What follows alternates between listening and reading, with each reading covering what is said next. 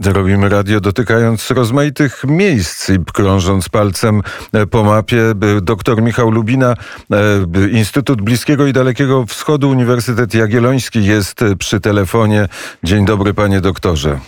Dzień dobry panie redaktorze. I tak opowiadamy o zamachu stanu, w, o zamachu stanu wojskowym, za przewrocie w Birmie. Co teraz się dzieje? Jakie są najnowsze informacje? Od tygodnia trwają w całej Birmie protesty przeciwko, przeciwko zamachowi stanu. One największe były w niedzielę. Wtedy były naprawdę imponujące. Ponad 100 tysięcy ludzi na ulicach. To były największsze protesty od 1988 roku i największe wystąpienia przeciwko huncie od, od 2007. Ostatnie takie istotne były w 2007, natomiast pod względem liczby uczestników to, to 1988. Od poniedziałku te protesty nie są już aż tak liczne, ale wciąż trwają. Dodatkowo mamy akcję obywatelskiego nieposłuszeństwa, która obejmuje kolejne grupy zawodowe, w tym urzędników, e, lekarzy. No i to jest, y, to jest to, co robi wrażenie, no a jednocześnie to, co przygnębia, to to, że nie wydaje się, żeby wśród y, wojska mogło dojść do jakiegoś rozłamu. Na razie junta jest dość, e, odpowiada dość twardo, e, to znaczy e, wzmocnionymi aresztami i częściowym użyciem siły. Jeszcze nie strzelają do ludzi, nawet strzelają w powietrze. Były pojedyncze przypadki strzałów w stronę protestujących i mamy jedną ofiarę. E, ale masowo jeszcze nie strzelają do, do ludzi, leją do nich wodą czasami, natomiast, natomiast starają się jeszcze, jeszcze nie używać całkowicie siły, natomiast no, ta, ta możliwość wisi w powietrzu i znając generałów birmańskich jest najbardziej prawdopodobna. E, taka bardziej optymistyczna możliwość jest taka, że, że wezmą protestujących na przeczekanie. No a scenariusz cudowny, właśnie to w kategoriach cudu jest taki, że, że udałoby się mm, doprowadzić do jakichś mm, podziałów w obrębie armii i części generałów przeszłaby na, na stronę protestujących, no ale to, to jest właśnie w kategoriach cudu. Na razie nic nie wskazuje na to, że ten cud nastąpi. A czy Birma ma jakieś geopolityczne znaczenie? O, o, tradycyjnie, jeżeli chodzi o położenie geograficzne, Birma jest, jest bardzo ważna bardzo ważna, przynajmniej od XIX wieku, kiedy, kiedy to zaczęło mieć e, znaczenie globalne, dlatego że leży nad Zatoką Bengalską i e, leży na trasie e, handlowej między, między Oceanem Indyjskim a, a Morzem Południowochińskim. No i dzisiaj to ma o tyle duże znaczenie, dlatego że, dlatego, że daje ona Chinom wyjście na Zatokę Bengalską, więc, więc dla Chin jest, jest istotna. E, jest również z tych samych powodów istotna dla Indii. Ważna jest również regionalnie dla, e, dla, dla państw oceanu, także jak najbardziej e, jest też istotna, chociaż nie aż tak do zachodu. No i to wszystko w pewnym sensie tłumaczy reakcję na ten, na ten zamach, chociaż nigdy całkowicie.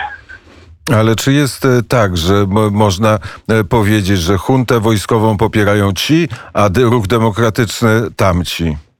Nie, tak nie można powiedzieć, jest bardziej skomplikowane, e, dlatego że e, kiedyś tak można było powiedzieć, owszem, przed 2011 rokiem było tak, że Zachód popierał demokratów czy cywilów może, a, a, wojsko było popierane przez, przez Chiny.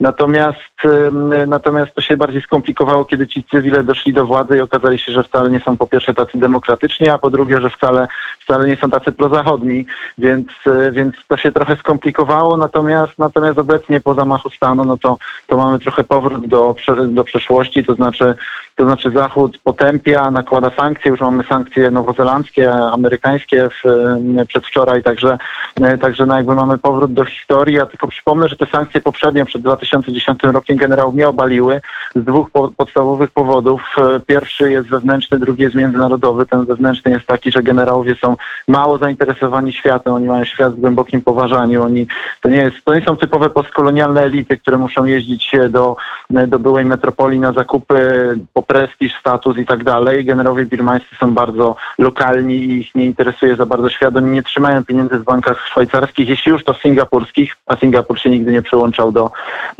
do sankcji. No i tutaj płynnie do drugiego powodu przechodzimy, a mianowicie takiego, że te sankcje zawsze były dziurawe, bo były tylko zachodnie, nie były azjatyckie i jaki sens miało izolowanie krajów którego nie izolują wszyscy sąsiedzi. To nie było RPA, gdzie tam się sąsiedzi przyłączyli do, do bojkotu, tutaj nie. W efekcie generałowie spokojnie mogli wyżyć, a jeszcze te sankcje były wtedy dodatkowo podlane taką typową e, hipokryzją Zachodu, dlatego że z nich był najważniejszy projekt wyłączony gazowy, czyli gazociąg z Birmy do Tajlandii obsługiwany przez Total i Chevron, francuski Total i amerykański Chevron. Także, także te sankcje były dziurawe jakby z założenia i nie mogły obalić generałów. No i to są te dwa powody, które się nie zmieniły. To znaczy generałowie teraz ponownie dalej są ksenofobami patrzącymi wewnątrz kraju, nie interesującymi się światem. No i ponownie do sankcji nie przyłączy się Azja, to już widać po reakcjach. Także po, najprawdopodobniej znowu będzie to samo, co było przed 2010 rokiem, czyli że sankcje biją przede wszystkim w ludzi i wzmacniają ksenofobiczne elementy w społeczeństwie, armię, radykalny kler, kler buddyjski, który ma dużo krwi na rękach w Birmie, a osłabiają wszystkich ludzi z otwartymi umysłami, tymi, którzy, którzy inteligencję, czy, czy szerzej e, wszystkich, którzy mieli, korzystali na tym otwarciu na świat. Także fatalną trajektorię wpędza e, Birmę ten zamach stanu i w, w taką, e, parafrazując klasyka, historia w Birmie powtarza się automatycznie jako i farsa, i tragedia.